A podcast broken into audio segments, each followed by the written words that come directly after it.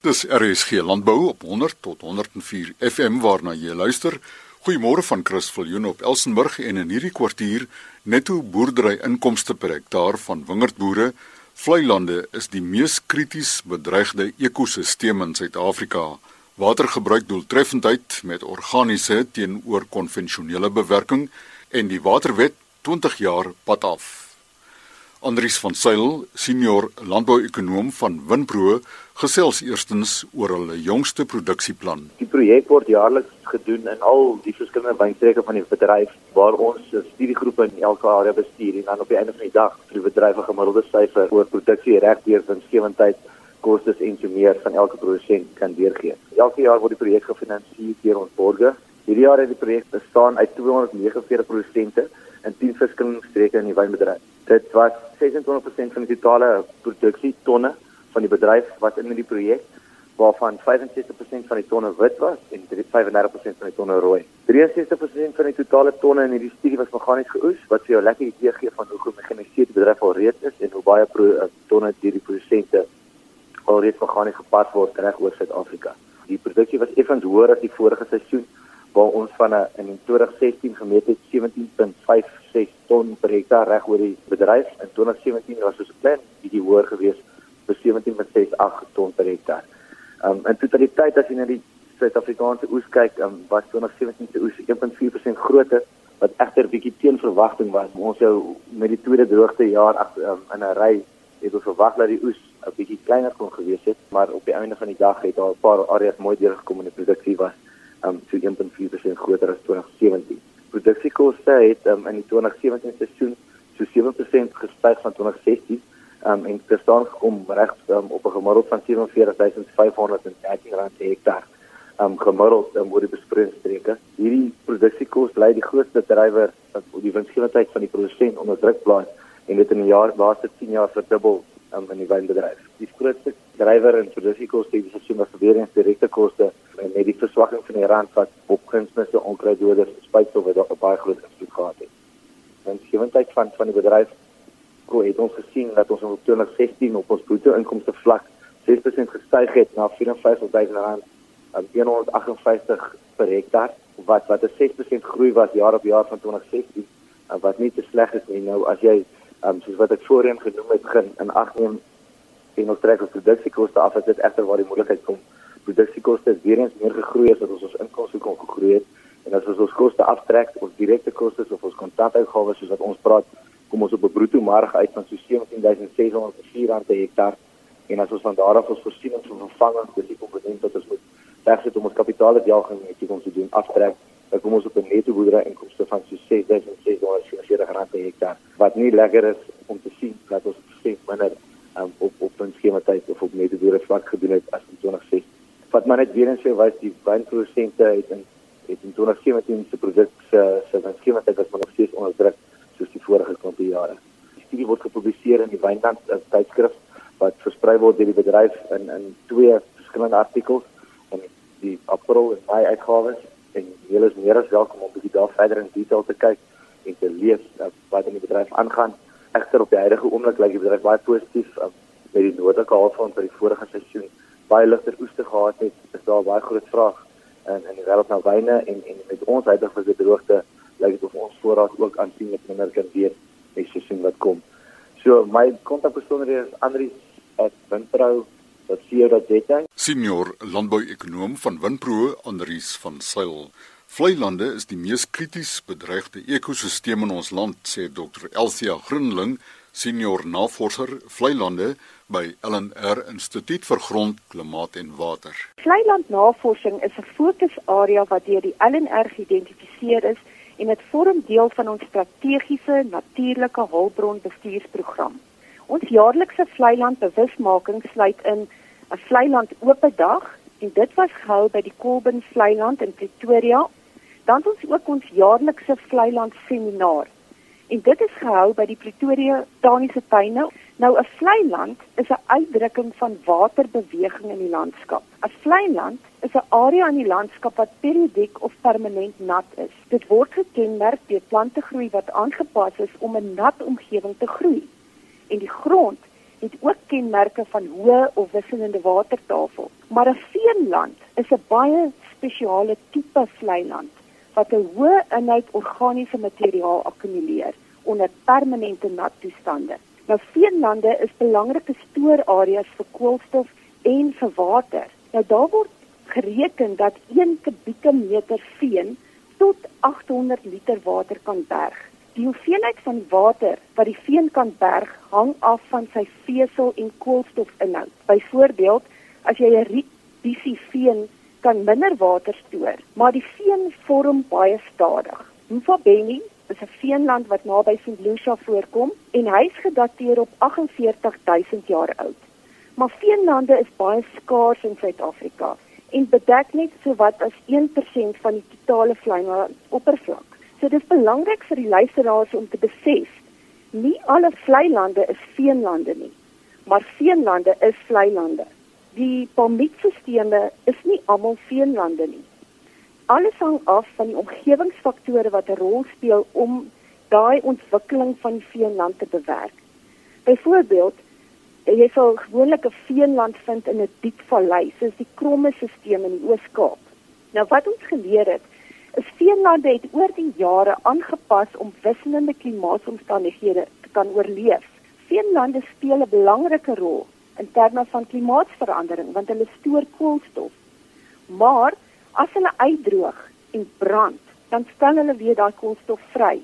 So veenvure versprei onder die oppervlak wat dit dan natuurlik 'n groot omgewings- en veiligheidsrisiko maak. Die nasionale ruimtelike biodiversiteitsassessering van 2012 het bevind dat vlei lande die mees krities bedreigbare ekosisteem in Suid-Afrika is. So meer as 50% van die vlei lande in sekere opvangsgebiede in Suid-Afrika is of erg gedegradeer of heeltemal verlore.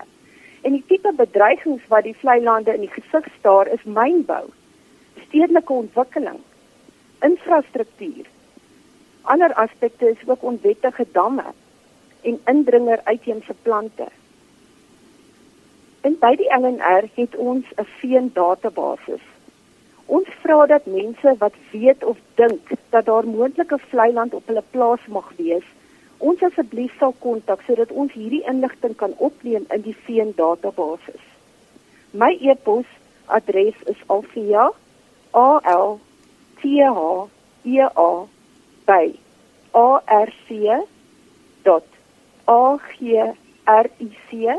r r. Dr. Althea Grundling, senior navorser op vlei lande by LNR Instituut vir Grond, Klimaat en Water. Professor Raymond Ouerbag van Nelson Mandela Universiteit George Campus praat vanoggend oor watergebruiksdoeltreffendheid met organiese teenoor konvensionele bewerking. Talking again about water use efficiency. In the past I've explained how our long-term trials on the Sarsfield campus, the George campus at Nelson Mandela University have compared organic and conventional. And Catherine Eckert is doing her master's with uh, co-supervisor Simon Lorenz, who's a hydrologist in KwaZulu-Natal. And what we found is that the soil organic matter on the organic treatments has been built up.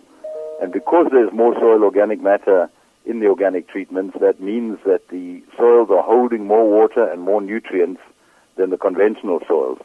So we put water soluble fertilizers onto the conventional soils but because it's water soluble and there's not much organic matter, when we have rain, the, the nutrients are leached out, and our, our instruments are showing us that the same rainfall event on two plots next to each other raises the amount of water in the topsoil, but in the organic plot, the, the drying out is slower, the retention is better than in the conventional.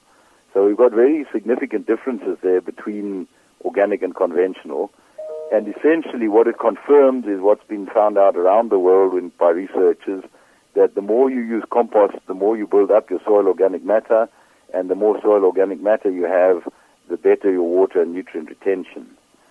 So our trials, before we pl- plowed the, the, the field where we've been planting, we had 4.1% organic matter in the soil, organic carbon, and um, once we plowed, it went down to 2.5%. And that's what happens when you plowed. Even though we didn't use a rotavator or a moldboard plow, we used a chisel plow. But still, you turn the soil, uh, you expose the soil, and the organic matter gets oxidized by the sun, carbon dioxide goes off into the atmosphere. Now, from 4.1 to 2.5 is a big drop, and the conventional is still sitting at 2.5, but the organic has gone back up to 3.5% organic matter, so it's nearly back to where it started thanks to the compost and the crop rotation. Now, when we then put mulch on on our organic treatment, um, which is part of the organic way of doing things, we put a layer of mulch to keep the moisture in and also to suppress the weeds. Weed control is a problem for organic farmers. So we find that when we have mulch, um, when I did a certain lot of tests, we had two weeks of no rain, and um, where we had mulch, the moisture percentage was 21% in the top six centimeters. Where we had no mulch, it was 14%, the conventional crops which had no, no mulch on them. So that's quite significant. If you use mulch, um, Africa needs a blanket against our hot, hot sun. Mulch is difficult for farmers to put on, but if you can, it builds up organic matter, suppresses weeds, and conserves moisture. Professor Raymond Auerbach van die Nelson Mandela Universiteit se George Campus, sy e-pos raymond.auerbach a u e r b a c h by mandela.ac.za. Die Waterwet 20 jaar later. Kommentaar van Agri Weskaap president Cornie Swart. Die gedagte was dat daar opvanggebiedsbestuursagentskappe gestig sou word wat in die landelike gebied en vermynbou tesame met munisipaliteite of metrorade en stadsrade hierdie waterbestuur sou gedoen het oor die jare en dit is waar ons probleem lê. Hierdie gebruikstelsel sou water gebruikersverenigings gehad het wat dit uitrol na landbou toe saam met die ou besproeiingsrade en hulle sou die distribusie gedoen het van water. Want wat gebeur het was dat met die nuwe waterwet het die minister die eienaar geword van water. Jy het nie eiendomsreg nie, maar wel gebruiksreg. En dit sou dan plaasgevind het dat al die gebruiksregte van die verlede sou geregistreer geword het, soos ou servituutregte en al die ou regtige um, wettige watergebruike sou geregistreer geword het en hierdie registrasieproses sou dan oorgegaan het na 'n validasie en verifikasie om te sien of water wel beskikbaar was en dan sou die sertifiseringsproses sal oorgegaan het na 'n lisensieringsproses toe waar elke landbouprodusent en elke grootmaatverbruiker van van rou water soos ook munisipaliteite 'n lisensie sou gehad het waarvolgens hulle kon opgetree het. Onder die nuwe wet het hierdie lisensieringsprosesse net nooit plaasgevind nie. As mense wat vandag vir jou sou kan sê, ek wag al 6 jaar om 'n dam te bou, sommiges tot 10 jaar. Daar is omgewingsake wat betrokke moet raak. Dit is reg dat hulle betrokke is en dat die ondersoeke gedoen word, maar dit is onnodig dat daar soveel birokrasie by betrokke is dat dit net nie moontlik is dat so iets kan plaasvind nie. Ons moet hierdie proses nou so vinnig as moontlik in werking bring. Of so nie, moet ons die waterwet heeltemal hersien. Implementering van die waterwet het net nooit plaasgevind nie. Die afbakenings is nie gedoen nie of daar waar dit wel gedoen is, het die registrasieprosesse is nie afgehandel nie. Van die 19 CMA's wat later 9 sou geword het, het net 2 van die grond afgekom en die verifikasie en validasies is nie oral gedoen nog nie. As die CMA's van die begin af reg bestuur is, dan sou dit nie nodig gewees het vir die staat om nou terug te gaan na 'n enkel CMA soos wat hulle nou beplan nie. Al wat hulle dan doen is, hulle wil die mag behou om water te kan van hulle kant af beheer en die landbou en die munisipaliteite het in so 'n gedrang gekom nou soos dit was dat die waterrekenings nie bekostig was nie. Hulle kon dit nie gedoen het nie en nou daar's so groot skulde opgeloop. As dit onder die CMA's ordentlik gedoen was, dan sou dit bekostig kon gewees het.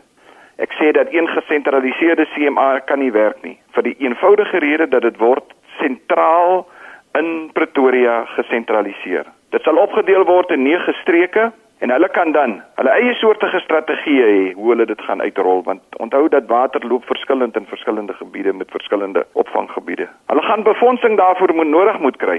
En ek weet nie of dit weer saadbefondsing van die departement af gaan wees of want dit is soos wat dit heidaglik gebeur het nie en of hulle werklik hulle eie inkomste gaan genereer en self die bestuur gaan hanteer nie. Die waterwet het vir ons 'n paar lesse geleer, Chris, maar hy was eintlik geskryf as 'n superieure pragtige wet wat baie goed kon gewerk het. Hy het die tande gehad om ordentlik te kon bestuur as hy behoorlik uitgerol en geïmplementeer was.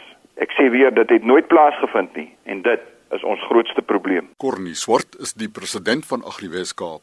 Dan in RSG Landbou, môreoggend om kwart voor 12, ons gesels met twee boere van Babsfontein in die Hoëveld oor hulle siening van geen bewerking of nou til. Chris Viljoen wat groet vanaf Elsenburg.